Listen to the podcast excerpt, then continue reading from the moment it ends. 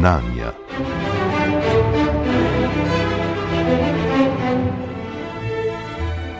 Kaj ima skupnega topla greda z eksotičnimi pojavi kvantnega sveta? Na prvi pogled prav nič. A morda ponuja priročna vrtna konstrukcija za gojenje zelenjave odlično analogijo, ključ do rešitve nekaterih osupljivih ugank, ki jih pred znanost postavljajo neravnovesni kvantni sistemi s simetrijami. Nenavadne simetrije so namreč danes stvar čiste teorije, abstraktnih matematičnih modelov, v naravi pa jih ne moremo zaznati, prav tako tudi ne z eksperimenti v laboratoriju. A če bi našli način, kako bi lahko to, kar predpostavlja teorija, zaznali v realnosti, bi to prineslo revolucionarne spremembe na številnih področjih, od superprevodnikov do kvantnih simulatorjev.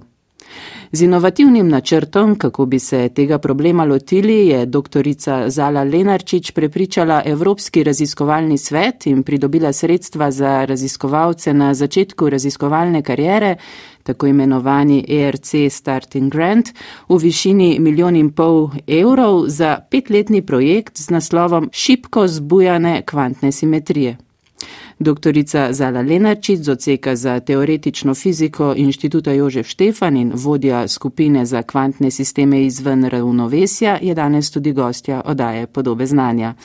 Zala Lenarčič, lepo pozdravljeni in čestitke za pridobljeni projekt. Hvala, lepo pozdravljeni. V tokratnem razpisu Evropskega raziskovalnega sveta je vaš projekt edini, ki je šel v Slovenijo. Konkurenca za te projekte je vedno huda, koliko je torej šlo dela v pripravo projekta, v prijavo in na kakšne načine bo zdaj pridobljeni projekt vplival na vaše raziskovanje, kaj vam bo omogočil, kar brez teh sredstev ne bi bilo mogoče. Ja, zdaj to je verjetno najbolj prestižen razpis v Evropi in zato se tudi na zajn potegujejo najbolj ambiciozni znanstveniki.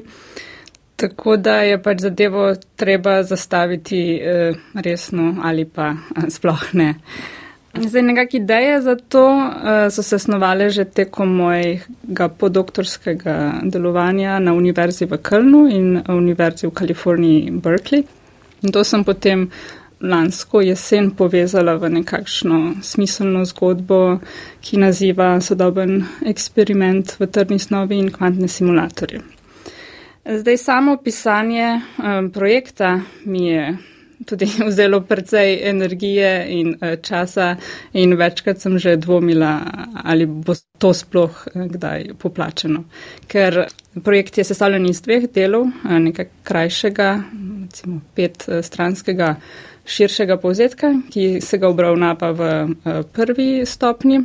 In če si izbran, eh, potem v, v drugem, eh, na drugi stopni strokovnjaki preberejo še bolj podroben, daljši 12-stranski opis. Tako da, pač ja, v jeseni sem pripravljala ta pisni del, eh, potem v maju sem bila pa obveščena, da sem vabljena na intervju, ki je potekal zdaj septembra. In takrat sem se zavedla, da, da zdaj pa gre res za res, ker imam dejansko predvsej visoke možnosti za uspeh ker približno 40% kandidatov na intervjuju tudi dobi financiranje. Ja, tako da potem sem se celo poletje intenzivno pripravljala na ta intervju, ki traja pičlih 25 minut, sama predstavitev projekta zgolj sedem, tako da verjetno to je bilo največ časa, ki sem jih kdaj uh, uložila v, v nekih sedem minut in tudi sam intervju je potem bliskovito potekal in predtem sem se zavedla, da je bilo že konec. Pa v teh torej eh, sedmih oziroma 25 minutah, kaj to predstavite, eh, teoretsko ozadje, kakšne vidike pravzaprav morate izpostaviti v tem, da pač prepričate panel, ki ima pred sabo cel kup verjetno zelo zanimivih predlogov? Ja, panel ima gotovo pred sabo zelo pri, pripravljene kandidate, ki vsi poskušajo na najboljši način predstaviti eh, svojo, svoje delo. Panel je precej širok, tako da je treba stvari po eni strani predstaviti precej široko in nekako poljudno, da nagovoriš vse.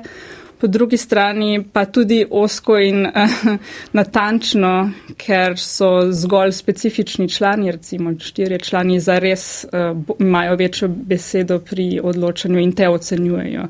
Tako da je treba ujeti nekakšno. Uh, ja, zlato kombinacijo med tema dvema aspektoma, naslavljati vse in naslavljati tiste, ki ti bodo dejansko podali oceno. Kar je predvsej uh, zahtevno, še posebej zaradi teh časovnih omejitev.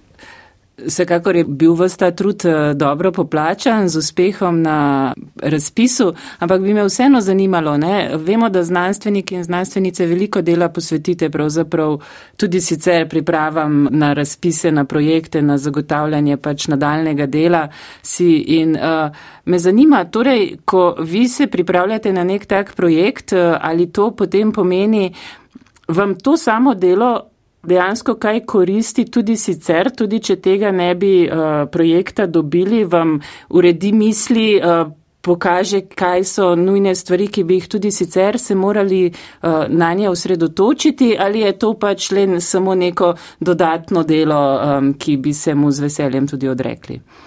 Ne, ne, ne, prav gotovo je to ena faza, v kateri izčistiš svoje ideje, začrtaš prihodnost. Uh, zdaj, ne glede na to, ali, ali boš financiranje dejansko eh, dobil ali ne. Tako da je to en eh, ja, zdravo obdobje, zdrav del našega vsakdana, ampak zavzame pa kar nekaj časa. No, pa se posvetiva zdaj torej konkretni tematiki, s katero se boste, doktorica Zala Lenarči, zdaj lahko še toliko bolj intenzivno ukvarjali. Kvantna mehanika je sicer kar pregovorno zahtevno področje za prevajanje v običajni vsakdani jezik. Fenomenov, s katerimi se ukvarjate, pač ni najlažje pojasniti na poljuden način, pa vendarle, kako bi torej predstavili temeljno problematiko, ki tiči v jedru vašega raziskovanja. Je mogoče je dobro, če najprej nekako širše povem, kaj je tematika mojih raziskav, da bomo to umestili ta IRC projekt.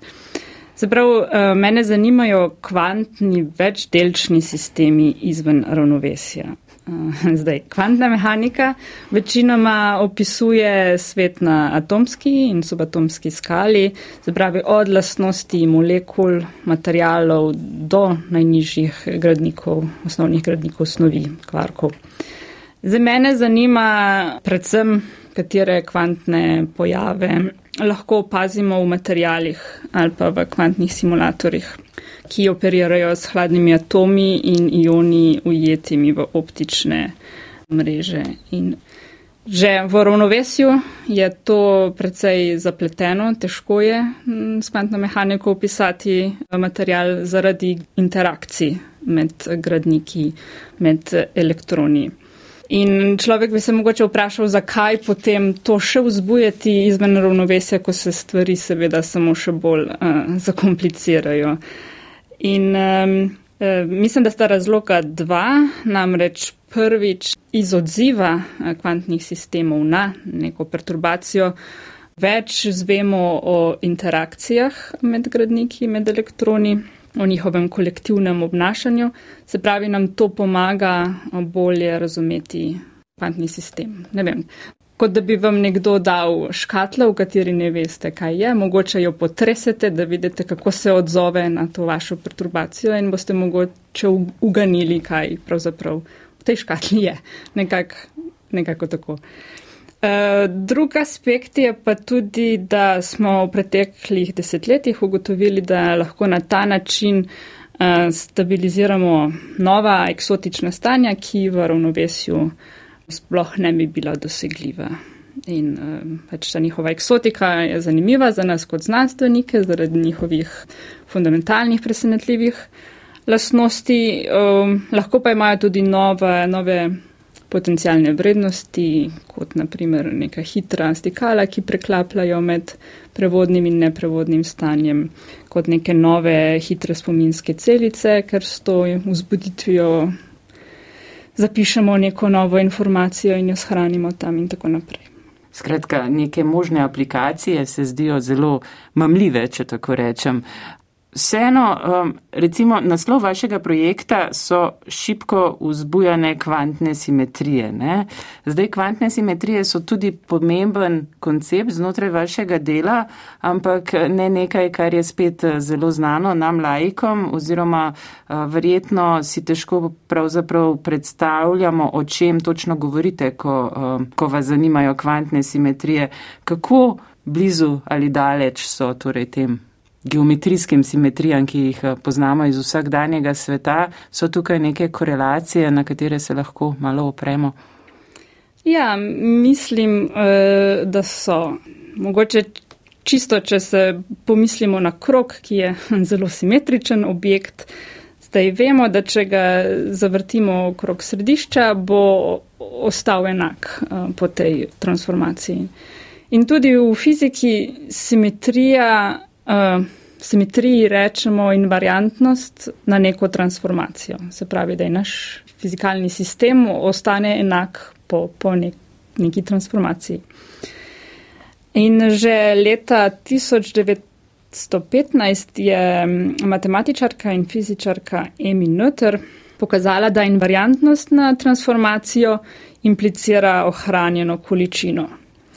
Zdaj, naprimer, eh, če če pomislimo spet na ta krok, ne, zdaj, če je fizikalni sistem eh, simetričen glede na rotacijo, tako kot krok, potem ohranja vrtilno količino. Če je invarianten na translacijo v času, se pravi, da se ne spreminja, s časom potem ohranja energijo. Ker če bi se spremenil, bi se verjetno segreval, ohlajal, torej bi se mu energija spremenila. Zdaj, to so eni najbolj preprosti primeri invariantnosti. In zanimivo je, da v resnici večina klasičnih in kvantnih sistemov je invariantna na, na takšne, dokaj preproste transformacije. Zdaj obstajajo pa tudi bolj eksotični kvantni sistemi, tako imenovani integrabilni modeli, da bi se, da se bo še večkrat ponovila. In ti integrabilni modeli so pa invariantni na neskončno različnih transformacij. Kar potem po Eminoter implicira, da, so, da posedujejo neskončno število ohranjenih količin.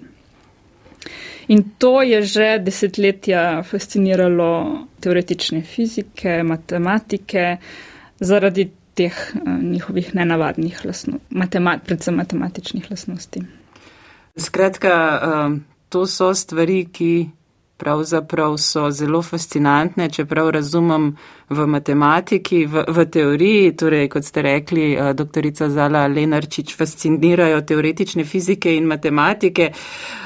In tukaj prideva do nekega zanimivega pravzaprav problema, ne, da, če je to problem, eh, da so številne zanimive kvantne lasnosti pravzaprav dejansko zaznane na ravni teorije, matematičnega opisa, kot ste prele skušali uh, namorisati, uh, ampak v naravi se pa ne izrazijo. Um, zakaj, kje, kje pride do tega neprevajanja? Gre tu za neko inherentno lastnost uh, materialnega sveta, za omejitve, ki nam jih danes postavlja tehnologija, inštrumenti, ki jih imamo na voljo za pač raziskovanje ali kaj tretjega?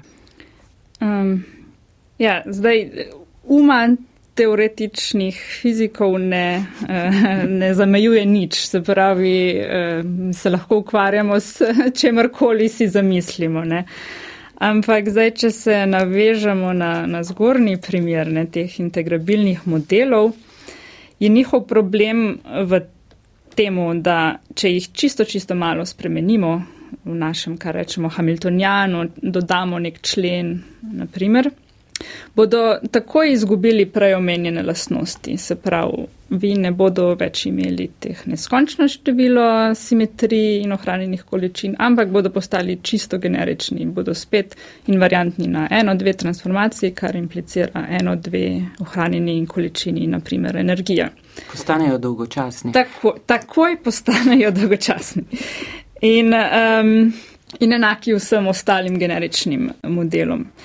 In, in zaradi tega je obsta, ostajalo neko mišljenje oziroma verjetje, da so pač zelo, zelo zanimivi teoretično, ampak nimajo pa zdaj nekih implikacij eh, za realnost, nimajo uporabne vrednosti, čeprav imajo te fascinantne lastnosti, ker jih pač ne moremo realizirati. Zdaj nekako še najbolj se jim lahko približajo ti že prej omenjeni kvantni simulatori. Ker, uh, sprav, kaj je kvantni simulator? Je, da nekako z lasersko mrežo ustvarimo nek potencial, v katerega se ujamejo hladni atomi ali pa ioni. In, in to je do, zelo do, predvsej dobro kontroliran sistem, ki je res um, nekako koherenten in izoliran. In zato jim tudi rečemo, simulatorji se, se lahko precej približajo nekim željenim teoretičnim modelom, ki so dokaj minimalni in samo simulirajo recimo neko bolj kompleksno dogajanje v materialu. Ampak tudi tam analogija ni popolna, ker zaradi inherentnih interakcij med temi hladnimi atomi bodo te recimo bolj dolgega dosega, medtem ko naš model predvideva, da, da to ni res.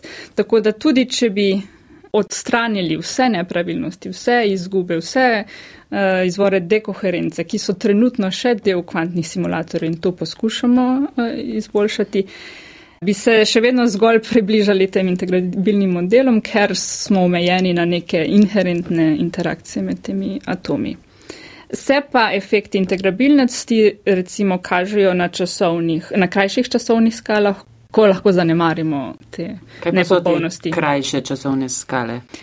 Um, ja, zdaj um, v moji simulaciji bi to verjetno bile kakšne zelo kratke časovne skale med uh, femtosekundami in pikosekundami skalami, če, če nekako preračunam. Uh, zdaj v, v eksperimentu to v resnici poteka malček uh, počasneje, ker se nekako reskalirajo enote in verjetno govorimo mogoče v milisekundah.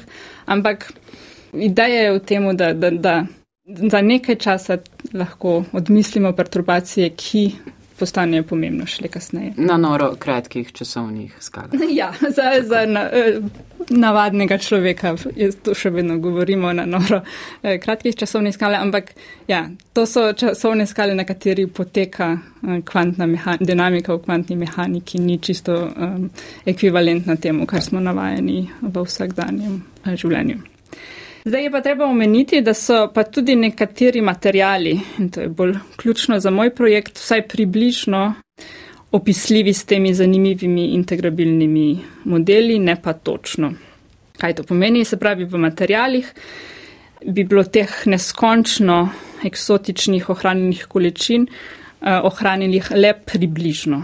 Eh, spet, recimo, na nekih krajših skalah, oziroma vse čas se mal izgubljajo In te izgube so spet pač zaradi realističnih odstopanj od, od integrabilnega modela, zato ker v materialu atomi nihajo in vse to gre nekako preko tega um, ja, realističnega, eh, tega zanimivega, um, idealističnega teoretičnega opisa. E, je pa zelo zanimivo, da je med temi eksotičnimi ohranjenimi količinami naprimer tudi energijski tok ali tok magnetizacije. In um, mogoče se bom k temu vrnila še kasneje, ampak nekako kaj je zdaj ena osnovna ideja mojega IRC projekta, je, da, da poskušamo take realistične in neizbežne nepopolnosti, perturbacije kompenzirati z vzbojanjem. In to nekako ja, rada ponazorim s toplo gredo. A pa smo prišli nazaj ja. k topli gredi. Eh, to je nekakšna središčna analogija, eh, se zdi, eh, vašega projekta. Odkot pravzaprav ta povezava? Kako se vam je porodila ideja, da pravzaprav nek fenomen, ki ga poznamo z domačih vrtov, ponuja neko uporabno izhodišče tudi za vaše zelo abstraktno delo znotraj kvantne mehanike, doktorica Zala Lenarčič? Ja, no, moram priznati, da v resnici je najprej prišla ideja, nekako motivirana z mojim prejšnjim delom, z trenutnim dogajanjem v moji uh, znanstveni skupnosti. Ampak ja, ta topla greda pa na nek lep način oriše uh, osnovno idejo in se mi zato zdi precej uporabna, da je to način, kako idejo približam širši publiki. Torej, ja, topla greda, ne, če nekako fizikalno pogledamo, kaj je topla greda, je to uh, sistem s približno ohranjeno količino. Ker, eh, kot vemo, pač ta nastekljena konstrukcija približno ohranja energijo in imamo le nekaj manjših izgub uh, skozi okna. In zdaj te izgube pa nekako lahko kompenzira oziroma kompenzira sonce, Torej, manjše, ko so izgube, že šipkejše, recimo zimsko sonce, lahko to kompenzira in stabilizira pač v resnici zelo visoke temperature znotraj tople grede, ki so veliko večje kot recimo zunanje. Torej, to je en nek vzbujan eh, sistem izven ravnovesja, ker če bi bil v ravnovesju, bi imel isto temperaturo kot zunanjost. Tako pa je izven ravnovesja. In zdaj nekako po podobnem principu pričakujemo, da bi lahko šibko vzbujanje za lasersko svetlobo enako kompenziralo te izgube, zdaj teh neskončno veliko ohranjenih količin v materijalih, ki so približno opisani z temi eksotičnimi integrabilnimi modeli. In zakaj bi to, zato je nekako zanimivo, ne, zakaj bi pa lahko potencialno bilo tudi uporabno je, ker kot sem prej omenila, je v, med temi ohranjenimi količinami lahko tudi energijski tok ali pa tok magnetizacije. Se pravi, kaj pričakujemo, da bi se lahko zgodilo, je, da bi, ko bi na tak material svetili z lasersko svetlobo, bi ta kompenzirala realistične majhne izgube energijskega toka in stabilizirala vzbojeno stanje z ogromnim energijskim tokom ki bi se potem lahko uporabljalo za recimo, efektivno črpanje energije in hlajenje. Zaprav tako kot sonce lahko zelo segreje toplo gredo in poveča energijo znotraj nje, bi lasersko vzbujanje zelo povečalo energijski tok v materialu. O, o kakšnih materijalih pa je pravzaprav tukaj govora? Ja, se pravi, nekak seznam materijalov, ki so približno opisljivi s temi integrabilnimi uh, sistemi, je bolj ali manj znan. Um, ponavadi gre to za verige uh, kobaltovih ali bakrovih oksidov. Zdaj, mogoče prav za to specifično aplikacijo črpanja energije bi bilo treba še dodatno preveriti, ali njihova kristalna struktura to omogoča. Ampak Ja, mogoče je primerno omeniti, da za me, kot za teoretika, je material predvsej bolj abstraktna oziroma zelo poenostavljena eh, reč, ker čeprav so materijali v resnico v kristalno strukturo ujeti atomi, ponavadi ključne lasnosti določajo samo um, neke verige oziroma verige atomov oziroma elektronov v njihovih zunanjih orbitalah. Tako da zame je material pravzaprav zgolj eh, veriga ali mreža interagirajočih elektronov. Se pravi, ne gre za nek konkreten material, ki ga lahko že v kratkem pričakujemo v neki aplikaciji, ampak gre pravzaprav za res teoretske koncepte, s katerimi se pravzaprav odpirajo šele počasi vrata proti uh, kasneje neki uporabnim aspektom. Tako je. Ja. Mi bomo najprej na pr v prvi fazi preverili, ali ta koncept kompenzacije eh, drži, kaj lahko pričakujemo od njega in šele kot, potem, ko bo to znano na tej dokaj recimo abstraktni ravni, bomo poprašali naše eksperimentalne sodelavce, ali lahko to dejansko pokažejo z dotičnim materialom.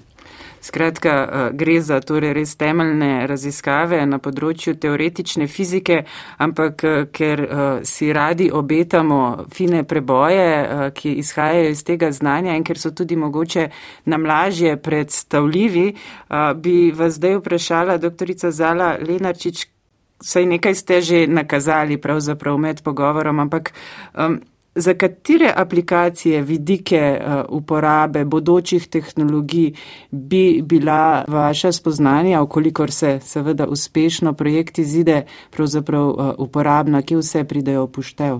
Ja, zabrav projekt je stavljen iz uh, štirih delov, ki tudi nekako nakazujejo štiri mogoče uporabe. Eno sem že omenila, se pravi to črpanje energije ki bi se lahko uporabilo za zelo varčno hlajenje. Um, nekako pričakujemo recimo milijonkrat bolj varčno hlajenje kot trenutno uh, konvencionalno hlajenje čipov v naših računalnikih. Se pravi, potem se ne bo nič segrevalo v računalnikih. ja, oziroma zelo malo energije bi uporabljali za hlajenje. Pa verjetno to pride prav tudi za kvantne računalnike. Tudi recimo sicer vprašanje, kako.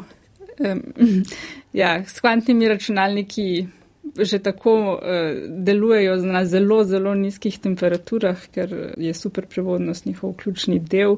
Tako da, ja, problemi so tam malček drugačni, ampak mogoče pa tudi. Um, potem naslednja aplikacija je tudi, eh, naprimer, ojačanje izolatorskih lastnosti. Spravi, da bi bili, medtem ko večina materijalov nad neko temperaturo postane prevodnih oziroma se že stopi, ali obstajajo neki drugi materijali, eh, ki bi bili vsaj približno izolatorski tudi v veliko bolj ekstremnih pogojih in to bi eh, za iz matematičnega vidika spet eh, bilo lahko posledica nekih dodatnih ohranjenih količin, ki so lokalizirane in pripomorejo k izolatorski naravi. Tretji sklop se nekako ukvarja z iskanjem načinov za ojačanje superprevodnosti ki je ja, nekako ponavljajoča tema oziroma svet igral v, tr, v trdni snovi, saj obljublja tako veliko. Ja. Brez izgube elektrike bi bilo super. Vse, vse, ja, to bi bilo res super. Ja. In kot rečeno, zelo pomembno za kvantne računalnike, ki so nekako naša prihodnost. V zadnjem sklopu se pa tudi posvečamo nekako povečanju stabilnosti kvantnih simulatorjev, ki, kot sem že omenila, um, ja, so še vedno se pojavljajo napake, dekoherenca in resnici kako mogoče to eh, zmanjšati z nekimi neravnovesnimi procesi. In čeprav se zdijo to zelo nepovezane eh, stvari, kot tako naštevam, imajo v svojem matematičnem bistvu v resnici enako nek sorodne komutacijske simetrije Hamiltonjana, ampak tega ne morem bolj ja, orisati na tej točki. Vsekakor je nazorno, da se uporabni vidiki kar um, sami zgoščajo. Uh, kako daleč pa pravzaprav lahko sami um, torej pripeljete te raziskave oziroma koliko sodelovanjah z eh, eksperimentalnimi fiziki eh, imate v mislih že v okviru tega projekta? Kako daleč pravzaprav želite pripeljati to zdaj svojo idejo, da boste lahko rekli, da ste zadovoljni s projektom? Ja, zaprav formalno financiranje RC je pravzaprav samo za teoretični del, za mojo uh mhm. -huh. skupino, se pravi za me in za približno štiri ljudi sočasno. Sprav, eh, recimo dva doktorska, dva eh, študenta in dva podoktorska raziskovalca. Tako da primarno je to za teoretično delo, sem pa že ob pisanju bila tudi v kontaktu s potencijalnimi eksperimentalnimi partnerji, ki bi bili zainteresirani za poskus eksperimentalnih um, potrditev, uh, ko bomo stvari pripeljali na neko zrelo raven. Sem tudi del vodja in partner eh, dveh eh, konzorcijev, mednarodnih konzorcijev na temo kvantnih tehnologij, tako da pričakujem, da bodo eksperimentalni partnerji, ki posedujejo kvantne simulatorje, tudi odprti za realizacijo teh idej znotraj tega IRC projekta. Če se še malo posvetiva ob koncu uh, raziskovalnim vidikom. Vi ste se pravzaprav vrnili iz tujine v Slovenijo pred uh, dvema letoma, če se ne motim. Prej ste bili na univerzi v Kölnu, pa na Kalifornijski univerzi Berkeley. Skratka, kaj vas je pripeljalo nazaj? Vemo, da načeloma je, um, so pogoji za raziskovalno delo v tujini neredko boljši. In vseeno, ja, Kakšne izkušnje vam pravzaprav da izkušnja dela v tujini? Ja, mislim, da je bilo to delo v tujini sodelovanje z najodličnejšimi raziskovalci tam ključno, mm, da je razširilo nabor mojega znanja in orodij in mi zgradilo intuicijo na novih temah, ker prav iz te intuicije sem potem nekako črpala ideje za ta ERC in pre, skoraj prepričana sem, da do tega uspeha ne bi prišlo, če ne bi prehodila um, te poti okrog uh, sveta. In tudi naučiš se novih eh, prezentacijskih in mentorskih sposobnosti. Vidiš, kako v Ameriki predstavijo svoje ideje, veliko manj skromno in zadržano kot v Evropi, tako da mogoče se naučiš, kako, um, ja, kako predstaviti svoje delo, ki je enako odlično uh, kot uh, od nekoga uh, drugega. Zdaj, zakaj povratek v Slovenijo? Ja, moram priznati, da sem imela tudi ponudbo v Ameriki, v New Yorku, in, ki je bila zelo mamljiva. in, uh, ja, ampak nekako mogoče no, kljub pač odličnim pogojem, je mogoče obstajal mal, malo ta občutek dolga do sistema, ki me je izobrazil in nekaj prinesti nazaj. In tudi iz, iz tega gledišča sem zelo uh, vesela tega IRC projekta, ker me nekako postavlja, mi daje približno podobne pogoje, kot jih imajo kolegi v tujini. Lahko imam veliko raziskovalno skupino, podobno kot v Nemčiji, ki je sicer z lokalnim financiranjem eh, nikoli ne bi mogla imeti, tako bomo hitreje napredovali na temah, ki se mi zdijo uh, pomembne. Je pa, ja, še vedno ostajajo izzivi, ker uh, bi rekla, čeprav sem nekako uspela zmagati v nekem tem enakopravnem boju s kolegi v tujini, sprav smo se potegovali za ta razpis, nekateri smo ga dobili. Lahko izgubim pri zaposlovanju, če nisem zmožna ponuditi primerljivih plač, ki so na nekakšnem evropskem nivoju. Zdaj sodelavcem v moji skupini, ker tu gre za mednaroden trg, ljudje bodo, pač, če jim je ponujeno približno 40% več, raje šli v Nemčijo in tam delali z odličnim raziskovalcem, kot pa recimo z mano. Tako da mislim, da je res pomembno, da se v okviru tega novega zakona o znanstveno-raziskovalni dejavnosti legalno uredi, da se na IRC projektih plače raziskovalcev nekako prilagodijo, približajo evropskim standardom, da bomo na ta način lahko tudi ambiciozne IRC projekte v Sloveniji spravi slovenski dobitniki izvajali z najboljšim eh, mednarodnim kadrom. Se pravi, vi ne morete teh sredstev, ki ste jih dobili, pravzaprav uporabiti za plače, um, ker uh, vam pravzaprav slovenska zakonodaja tega ne omogoča, tako nekako? Um, lahko, večina teh sredstev gre za plače, ker v mojem primeru sem teoretik, torej nimam neke večje. Um, stroškov kot recimo eksperimentalni kolegi že s samo postavitvijo eksperimenta. Tako da v mojem primeru so to predvsem plače, ampak še vsem sem omejena za nekak, za sloven. Plače, ki jih lahko ponujam, so pač enake plačam slovenskih, ki jih pač imamo slovenski raziskovalci, slovenski doktorski študenti in podoktorski raziskovalci. In ja, te niso, žal niso primerljive um, z plačami, recimo v zahodni centralni Evropi, čeprav mogoče naša odličnost pa je. Vsekakor želim vam, da bodo vaše ideje v okviru eh, tega projekta pa tudi širše rasle dobro kot v topli gredi. Pa najlepša hvala za tale pogovor, doktorica Zala Lenarčič. Hvala lepa.